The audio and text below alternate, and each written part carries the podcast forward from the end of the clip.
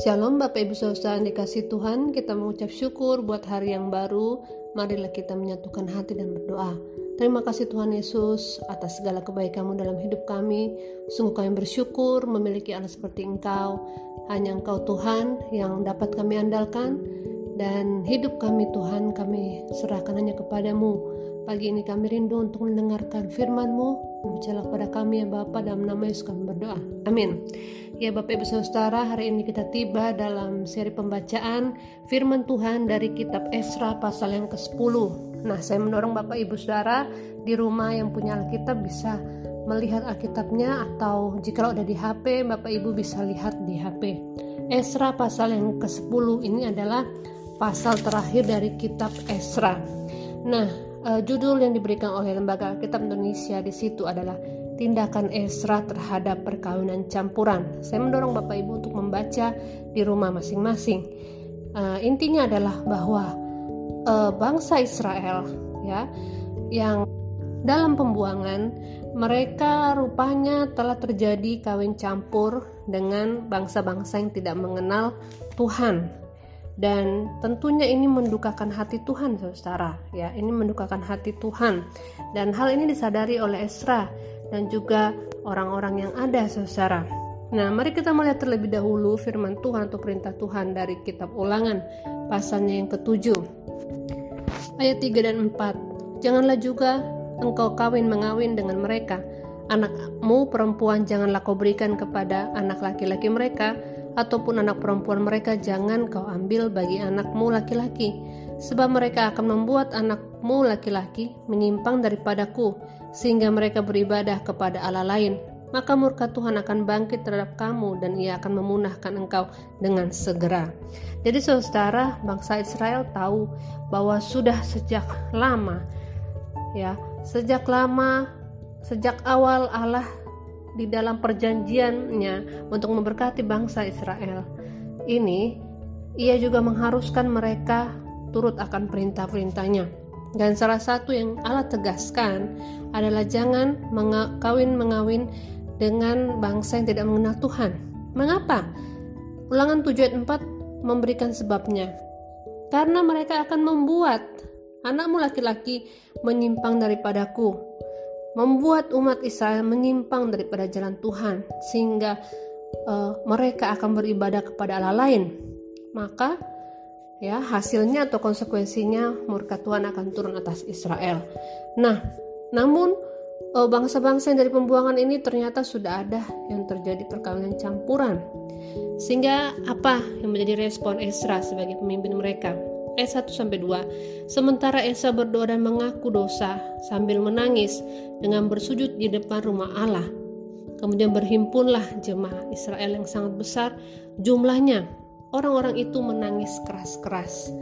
Maka berbicaralah Sekaya bin Yehiel dari Bani Elam katanya kepada Esra, kami telah melakukan perbuatan tidak setia terhadap Allah kita oleh karena kami telah memperistri perempuan asing dari antara penduduk negeri. Jadi saudara baik Esra maupun rakyat itu menyadari dosa mereka di hadapan Tuhan dan ini adalah langkah pertama untuk terjadi kebangunan rohani, pemulihan dalam hidup kita umat manusia dan dalam hidup keluarga kita. Yaitu akuilah dosa. Amin. Sadarilah dan akuilah dosa kita di hadapan Tuhan. Dan hal ini adalah sesuatu yang ditegaskan oleh firman Tuhan berkali-kali. Contohnya dalam 1 Yohanes 1 ayat 9 firman Tuhan berkata, "Jika kita mengaku dosa kita, maka ia adalah setia dan adil, sehingga ia akan mengampuni segala dosa kita dan menyucikan kita dari segala kejahatan." Amin Bapak Ibu Saudara. Jadi untuk mengalami kebangunan rohani, ya, dalam kehidupan kita, pemulihan dalam kehidupan kita, pertama-tama akuilah dosa kita di hadapan Tuhan. Sama seperti Esa dan uh, bangsa Israel, rakyat ini menangis di hadapan Tuhan, mengakui dosa mereka. Lalu yang kedua, bukan segera mereka menangis dan mengaku dosa, ya karena ada banyak orang seperti itu Bapak Ibu Saudara. Di dalam ibadah mereka tersentuh oleh firman Tuhan atau mungkin oleh penyembahan atau mungkin oleh lagu-lagu yang menyentuh hati mereka. Mereka menangis dan kemudian mengucapkan komitmen akan berubah. Tetapi setelah itu kita tidak tahu perubahannya. Nah, yang menarik adalah bahwa setelah mereka menangis dan mengaku dosa, mereka e, bersepakat dan betul-betul meninggalkan dosa mereka dengan pertama-tama apa? Ayat 3. Marilah kita sekarang mengikat perjanjian dengan Allah kita bahwa kita akan mengusir semua perempuan itu dengan anak-anak yang dilahirkan mereka menurut nasihat Tuhan dan orang-orang yang gemetar karena perintah Allah.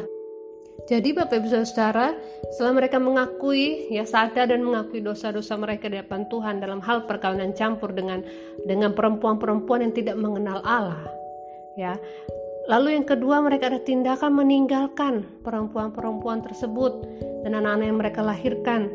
Nah, ini Bapak Ibu Saudara bagian ini bukan bicara tentang Allah yang kejam, ya Allah yang kejam tidak mau mengasihi perempuan-perempuan dan anak-anak ini bukan tetapi uh, dalam kisah ini kita melihat bahwa Allah yang kudus menghendaki umatnya juga kudus dan mau untuk berubah ya dan tindakan bangsa Israel yang melepaskan wanita-wanita bangsa lain untuk pergi daripada mereka atau mengusir mereka pergi adalah tindakan untuk menjauhkan diri dari dosa. Nah, Bapak Ibu Saudara dikasih Tuhan, bagaimana dengan kehidupan kita? Hari-hari ini, ya di zaman sekarang mudah sekali untuk orang berbuat dosa. Orang buka HP saja, ia bisa jatuh dalam dosa ketika ia tergoda untuk melihat video atau gambar-gambar porno misalnya. Atau ada juga orang yang menghabiskan uh, gajinya ya tidak tidak diberikan untuk istri dan anak-anaknya tetapi habis untuk judi online misalnya, pinjaman online. Ya, tidakkah itu adalah sesuatu yang mendukakan hati Tuhan? Dan semua itu bisa dilakukan dari rumah ya. Artinya dengan HP semuanya bisa dilakukan. Ya se semudah itu kita bisa jatuh dalam dosa tetapi yang yang terpenting adalah apa respon kita. Apakah kita mau menyadari dan mengakuinya di depan Tuhan? Dan yang kedua maukah kita bertindak untuk meninggalkan dosa-dosa tersebut?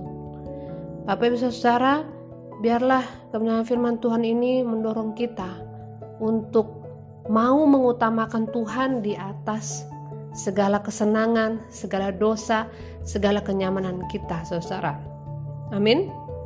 Mungkin orang-orang Israel yang menikah dengan perempuan-perempuan dari bangsa lain sudah nyaman. Mereka mungkin memiliki uh, beberapa anak dari perempuan-perempuan tersebut tanpa mereka menyadari bahwa istri-istri mereka uh, pelan-pelan uh, membawa mereka jauh daripada Tuhan. Ya, dan oleh karena mereka menyadari dosa dan kesalahan mereka, mereka berkomitmen mau mendahulukan Tuhan atau menempatkan Tuhan sebagai tempat yang terutama dalam hidup mereka, sehingga mereka bertindak untuk melepaskan perempuan-perempuan dan anak-anaknya. Ya, perempuan-perempuan yang tidak mengenal Allah ini, perempuan-perempuan yang berpotensi untuk uh, membawa mereka ke dalam dosa dan menyembah berhala mereka memutus hubungan dengan perempuan atau pasangan mereka masing-masing ini. Saudara yang dikasih Tuhan, ini adalah tindakan simbolik untuk kita sebagai orang percaya. Jika kita sadar akan dosa kita, jika kita sudah mengakuinya, maka kita juga akan melepaskan ikatan hubungan dengan kejahatan dan dosa-dosa di masa lalu. Amin saudara, kiranya Tuhan Yesus menolong kita untuk melakukan firman-Nya. Mari kita berdoa bersama-sama. Ya Tuhan Yesus yang baik, kami mengucap syukur buat anugerahmu, buat teguranmu melalui firman Tuhan pagi ini. Biarlah kami boleh menjadi orang-orang yang senantiasa hidup dalam kebenaran. Dan ketika kami tak sadar atau tidak kami sadari jatuh dalam dosa, biarlah kiranya Tuhan eh, hati kami Engkau menjama dan Roh Kudus berbicara sehingga kami akan menyadari dosa-dosa kami dan lembutkanlah hati kami Tuhan untuk datang kembali kepadamu dan berikan kekuatan bagi kami untuk bisa memutuskan hubungan dengan dosa-dosa masa lalu kami. Di dalam nama Yesus kami menyerahkan hidup kami dalam tanganmu. Haleluya. Amin.